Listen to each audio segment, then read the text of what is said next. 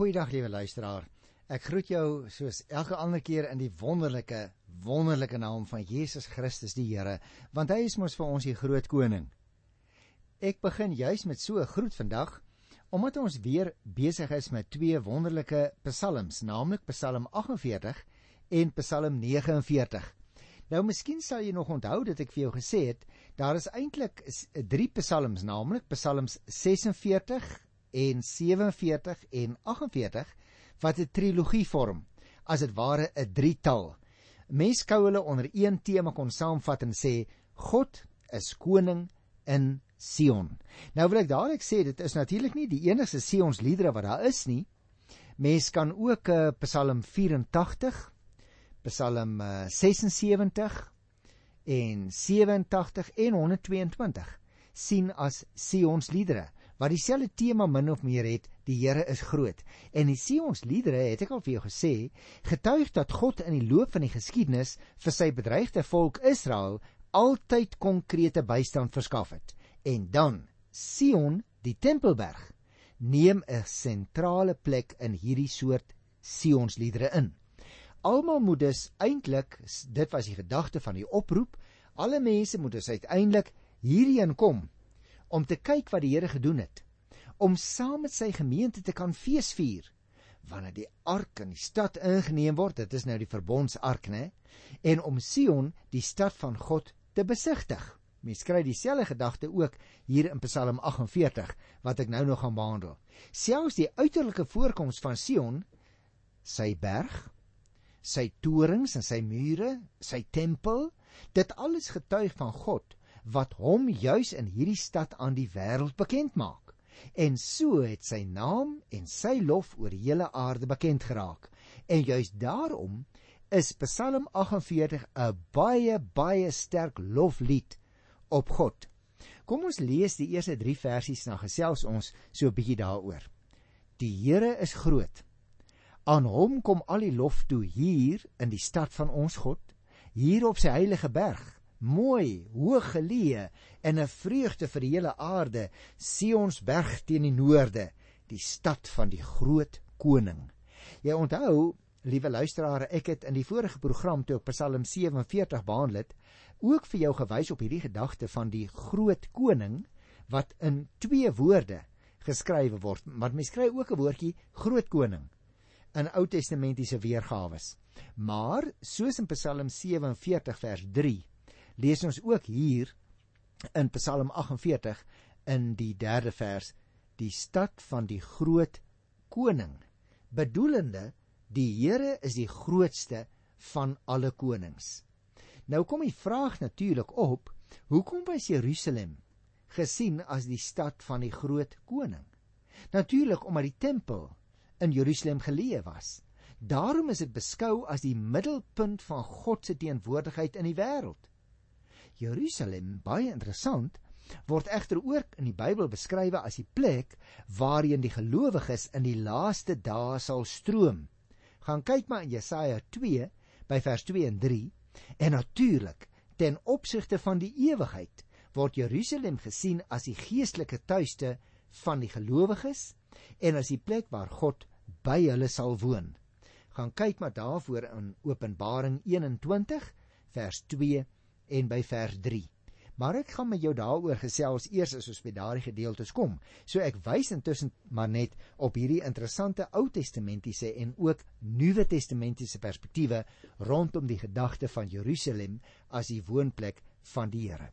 Kom ons lees nou vers 4 tot by vers 12 van Psalm 48. In hierdie goed versterkte stad het God hom as beskermer openbaar konings het bymekaar gekom en as een mag opgetrek. Maar skaars het hulle die stad gesien of hulle bang geword en verskrik op die vlug geslaan. Angs het hulle daar beet gepak, vrees soos die van 'n vrou wat 'n kind in die wêreld bring. Angs soos toe hulle met die ooste wind die skepe van Tarsus verpletter het. Soos ons daarvan gehoor het, het ons dit self ervaar hier in die stad van die Here die Almagtige, in die stad van ons God die stad wat hy vir altyd vaslaat staan. Hier in u tempel oordink ons u trou, o God. Net soos u naam, o God, so strek u lof oor die hele aarde. U mag het groot redding gebring.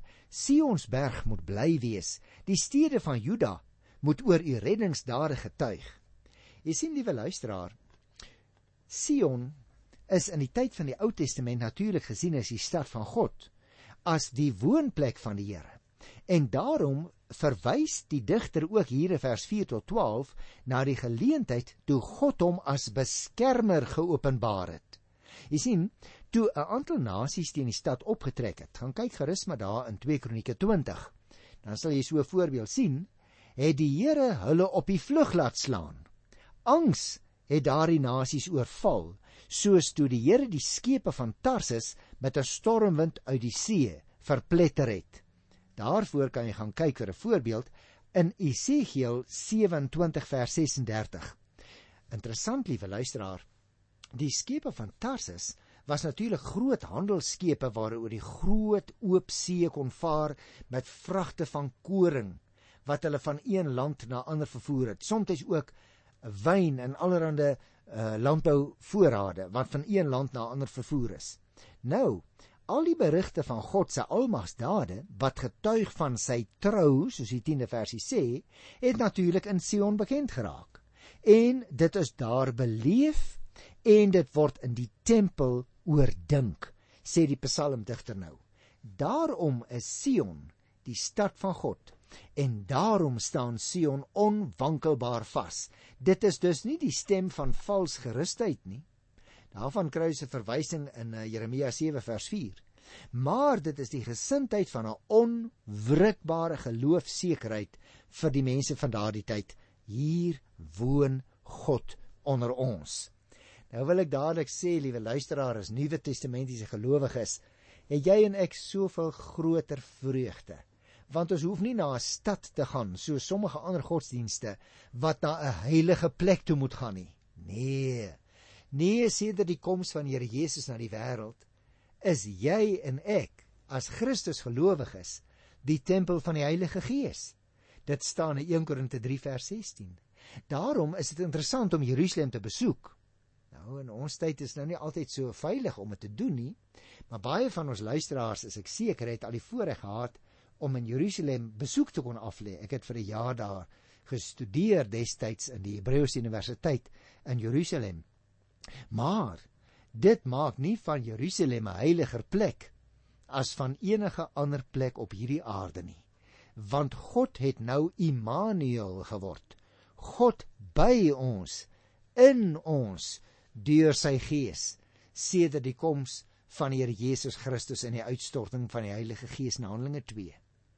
Maar vanuit 'n Ou Testamentiese perspektief moet ons dadelik sê aangesien Jerusalem sedert die skryf van hierdie Psalm al herhaaldelik in puin gelê is deur die geskiedenis, verwys die vers dus na die nuwe Jerusalem waar God saam met al die gelowiges sal woon. Ek het net nou vir jou herinner aan Openbaring 22 en ook Openbaring 21 wat dan die baie spesifieke Nuwe Testamentiese fokus van Jerusalem, die nuwe Jerusalem wat neerdal soos 'n bruid wat vir haar man versier is wat by die wederkoms 'n baie nuwe en 'n baie meer intense betekenis sal hê.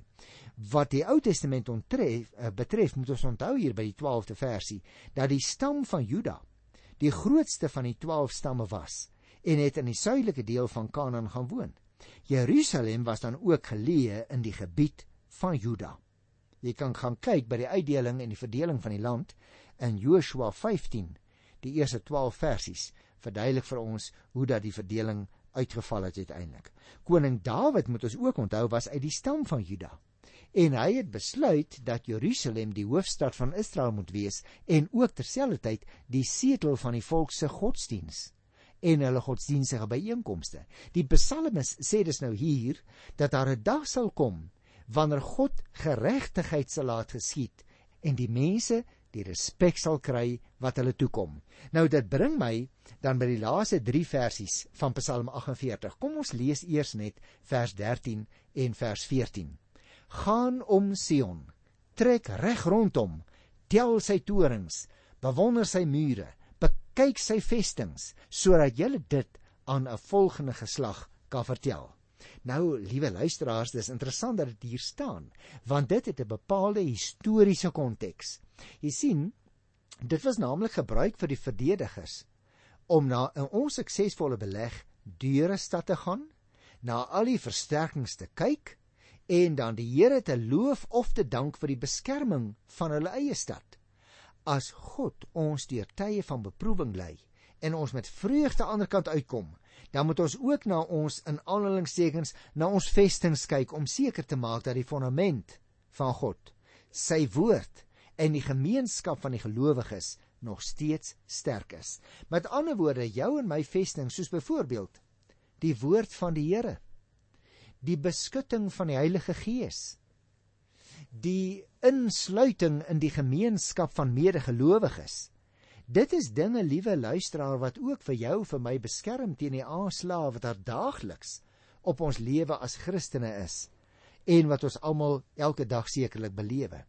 Die mense wat is hier in vers 13 en 14 opgeroep is om die lof van die Here te kom besing, word nou genooi om aan 'n optog rondom die stad deel te neem en as dit ware saam met die stad die lof aan die Here te bring in daardie Ou Testamentiese situasie wat die stad is, sê hulle, is aan God te danke.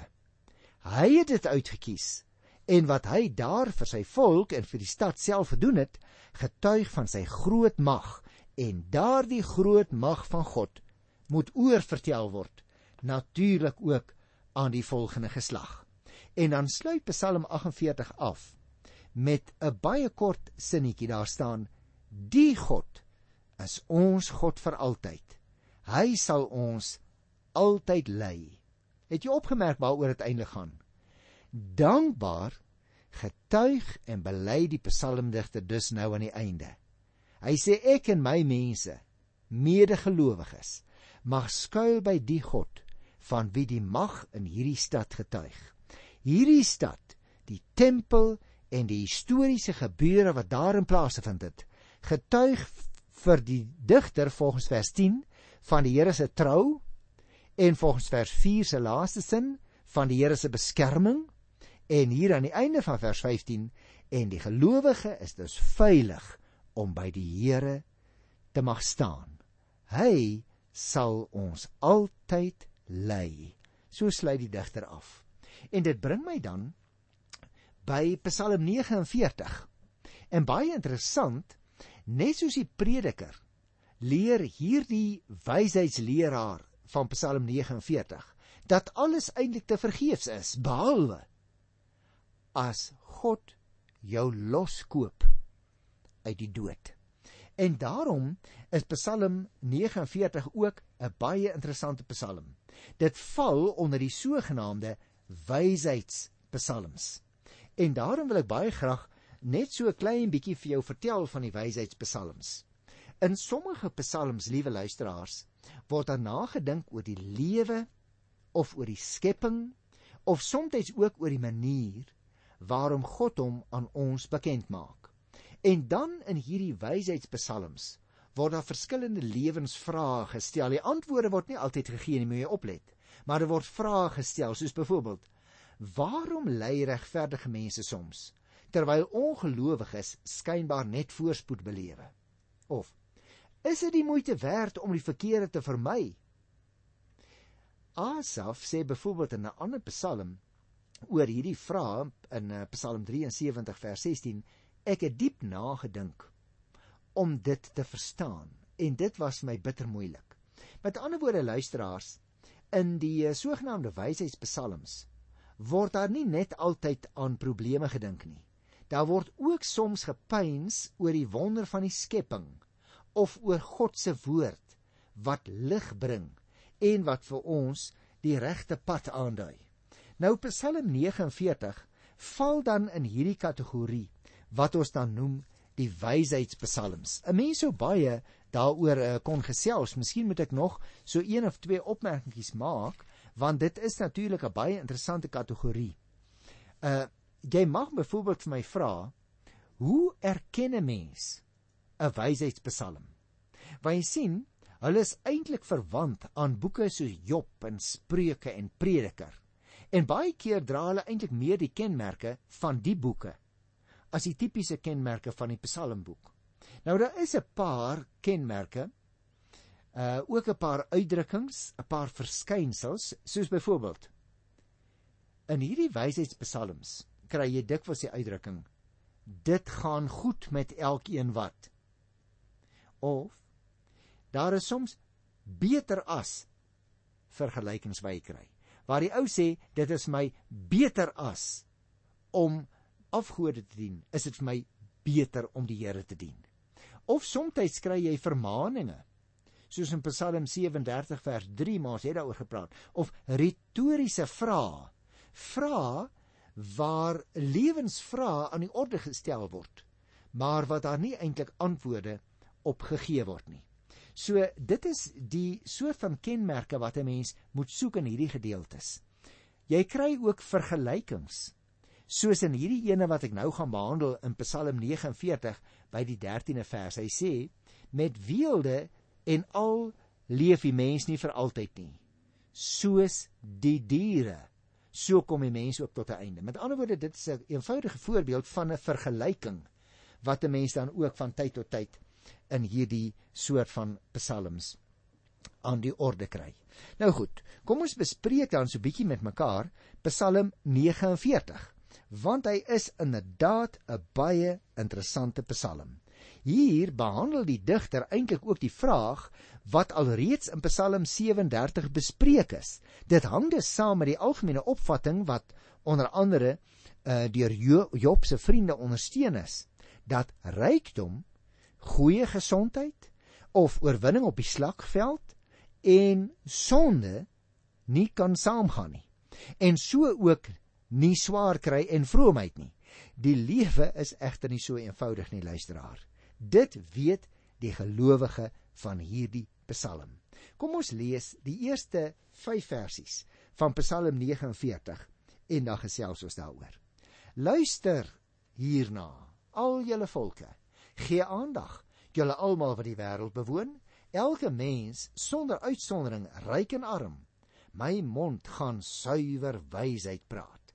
Wat ek gaan sê, sal van insig getuig, want ek hoor 'n woord wat my wysheid gegee het en terwyl ek hier op my lier speel, wil ek 'n geheimenis verklaar. Nou jy gaan sien, liewe luisteraar, in hierdie Psalm beklemtoon die digter dat wêreldse dinge, soos byvoorbeeld rykdom en hoogmoed en roem, dat dit alles tot niet gaan. Dit toon ooreenkomste met die boek Prediker en is een van die min wysheidspsalms wat geskryf is om te onderrig en nie om God te prys nie. Kom ons kyk nou hier van vers 6 af. Waarom sou ek my in moeilike tye kwel as ek bedreig word deur die onreg van bedrieërs? Van mense wat net op hulle besittings vertrou en met hulle groot rykdom spog. Nou liewe luisteraar, dit klink amper asof hierdie Psalm in ons tyd geskryf is, né? Want in ons tyd is daar ook mense as jy na hulle kyk wat sonder om dit te sê noodwendig met hulle rykdom spog. Hoe jy sien dit aan die kwaliteit huis wat hulle in wil woon. Jy sien dit in die soort motor waarmee hulle wil ry, die klere wat hulle aantrek en alles. Sê vir jouself maar, "Jo, hierdie mense is besig om te spog met dinge wat eintlik maar tydelik is." En daarom sê die digter hier in vers 6 en 7: "Wie net op sy besittings vertrou, het nie iets blywends aan sy kant nie." Dit gaan ons sien in vers 13 en 14. En 'n mens hoef nie vir hom as 'n bedreiging bang te wees nie. Daarom haas ek my na vers 8 tot by vers 15. Hy sê: "Een mens kan tog nie 'n ander loskoop van die dood en aan God 'n losprys vir hom betaal nie. Die prys vir 'n mens se lewe is te hoog. Wat hy kan betaal sal nooit genoeg wees dat hy vir altyd sal lewe en die dood nooit sal smaak nie. Elkeen sien dit tog." Wyse mense sterwe net soos dwaase en sotte en laat hulle besittings aan ander na. Die graf is vir altyd hulle tuiste. Van geslag tot geslag is dit hulle woonplek. Al het hulle eenmaal grond op hulle naam gehad. Met weelde en al leef die mens nie vir altyd nie. Soos die diere, so kom die mens ook tot 'n einde. Dit is ook die lot van mense wat op hulle self vertrou, die uiteinde van die wat ingenome is met hulle self. Soos die skape is hulle bestem om te sterwe. Die dood is hulle wagter. Sonder meer daal hulle in die graf in. In die doodryk verdwyn alles waarop hulle vertrou het. Vir hulle bestaan dit nie meer nie. Jy sien dus die vraag wat aan die uh begin aan die orde gestel is in vers 6 en 7 wie net op sy besittings vertrou het nie iets blywends aan sy kant nie en daarom met geld hier in vers 8 tot by vers 15 met geld kan 'n mens nie die ware lewe koop nie sê die digter want die losprys uit die dood is te groot ons kry dieselfde gedagte liewe luisteraar in Markus 8 daar by die 37ste vers Want jy sien al die geld en al die besittings van die hele wêreld. Dit is te min en te verganklik om die mens uit die sonde mag te bevry en om van sy sonde straf te verlos. Daarom staan vers 16 baie duidelik teenoor vers 8 tot 15. Vers 16 sê: "Maar vir my sal God loskoop uit die mag van die dood en ek sal aan hom behoort." Jy sien dus teenoor die wat op hulle self of op hulle besittings vertrou in die vorige gedeelte staan die wat op die Here vertrou omdat hulle aan hom behoort. Hulle sal wel sterwe, maar nie in die mag van die dood val nie. Hiervan is die digter baie baie seker in vers 16a. Hy sê God sal my loskoop uit die mag van die dood. Nou waarmee God hom sal loskoop word nie hier gesê nie. In die geloof weet die digter natuurlik dat God die vermoë het om te doen. En vir jou en vir my as Nuwe Testamentiese gelowiges lê daar 'n baie interessante perspektief, want ons weet dat die Here Jesus Christus ons losgekoop het van die dood met sy eie liggaam en sy eie bloed. Daarom, liewe luisteraar, wil ek afsluit met die gedagte wat die digter hier in Psalm 49 vers 17 tot by vers 21 so verklank hy sê moet jou nie daaroor kwel dat mense ryk word dat hulle besittings baie word nie want as hulle sterf neem hulle niks saam nie hulle besittings sal hulle nie volg nie al verlustige mense hom in 'n voorspoedige lewe en al prys die mense hom omdat dit met hom goed gaan soos sy voorvaders sal ook hy moet sterwe en hy sal die lig nooit weer sien nie. Die mens wat met weelde en al 'n dwaas bly, is soos 'n dier wat vergaan. Is dit nie 'n wonderlike waarskuwing ook vir jou vir my nie? Want jy sien, liewe luisteraar, ryk en arme mense het een ding gemeen. As ons sterwe, laat ons alles agter wat ons het. Op daardie sterwensoomblik waarvoor ons almal op 'n goeie oomblik te staan kom, is ons naak, staan ons met leë hande voor God. Liewe luisteraar, alle rykdom wat jy en ek in daardie oomblikke sal hê, is dit wat ons reeds in ons ewige erfenis belê het. Daardie bank waar wurms nie verniel nie en roes nie laat vergaan nie. Jy sien, dit is dan wanneer 'n mens sal wens dat jy minder in aardse dinge belê het en meer in hemelse dinge want daar het jy jou eintlike skatte vir ewig by jou. Kyk sommer vandag nog na jou beleggings, liewe luisteraar. Kyk waar jy die meeste belê het. Dalk is daar nog veranderinge wat jy moet aanbring. Dalk is daar nog iets wat jy kan doen aan die saak. Want liewe luisteraar, wie jy 'n mens kan selfs in jou erflating dink aan die Here se saak om ook donasies te maak vir gebruik in die koninkryk wanneer jy nie meer daar is nie. Dit lyk dus vir my en daarmee wil ek afsluit. Die digter beklemtoon die lewenswysheid baie duidelik. 'n Mens se besittings red jou nie van die dood nie. Wie nie die wysheid verkry het met die dien van die Here nie, bly 'n dwaas, sê hy. Hy sterf asof hy 'n dier is as hy sonder die Here gaan sterwe. Mag ek jou vra? Gaan jy eendag met die Here sterwe? of sonder hom. Jy het nou nog tyd om jou saak reg te stel, hoor. Tot volgende keer.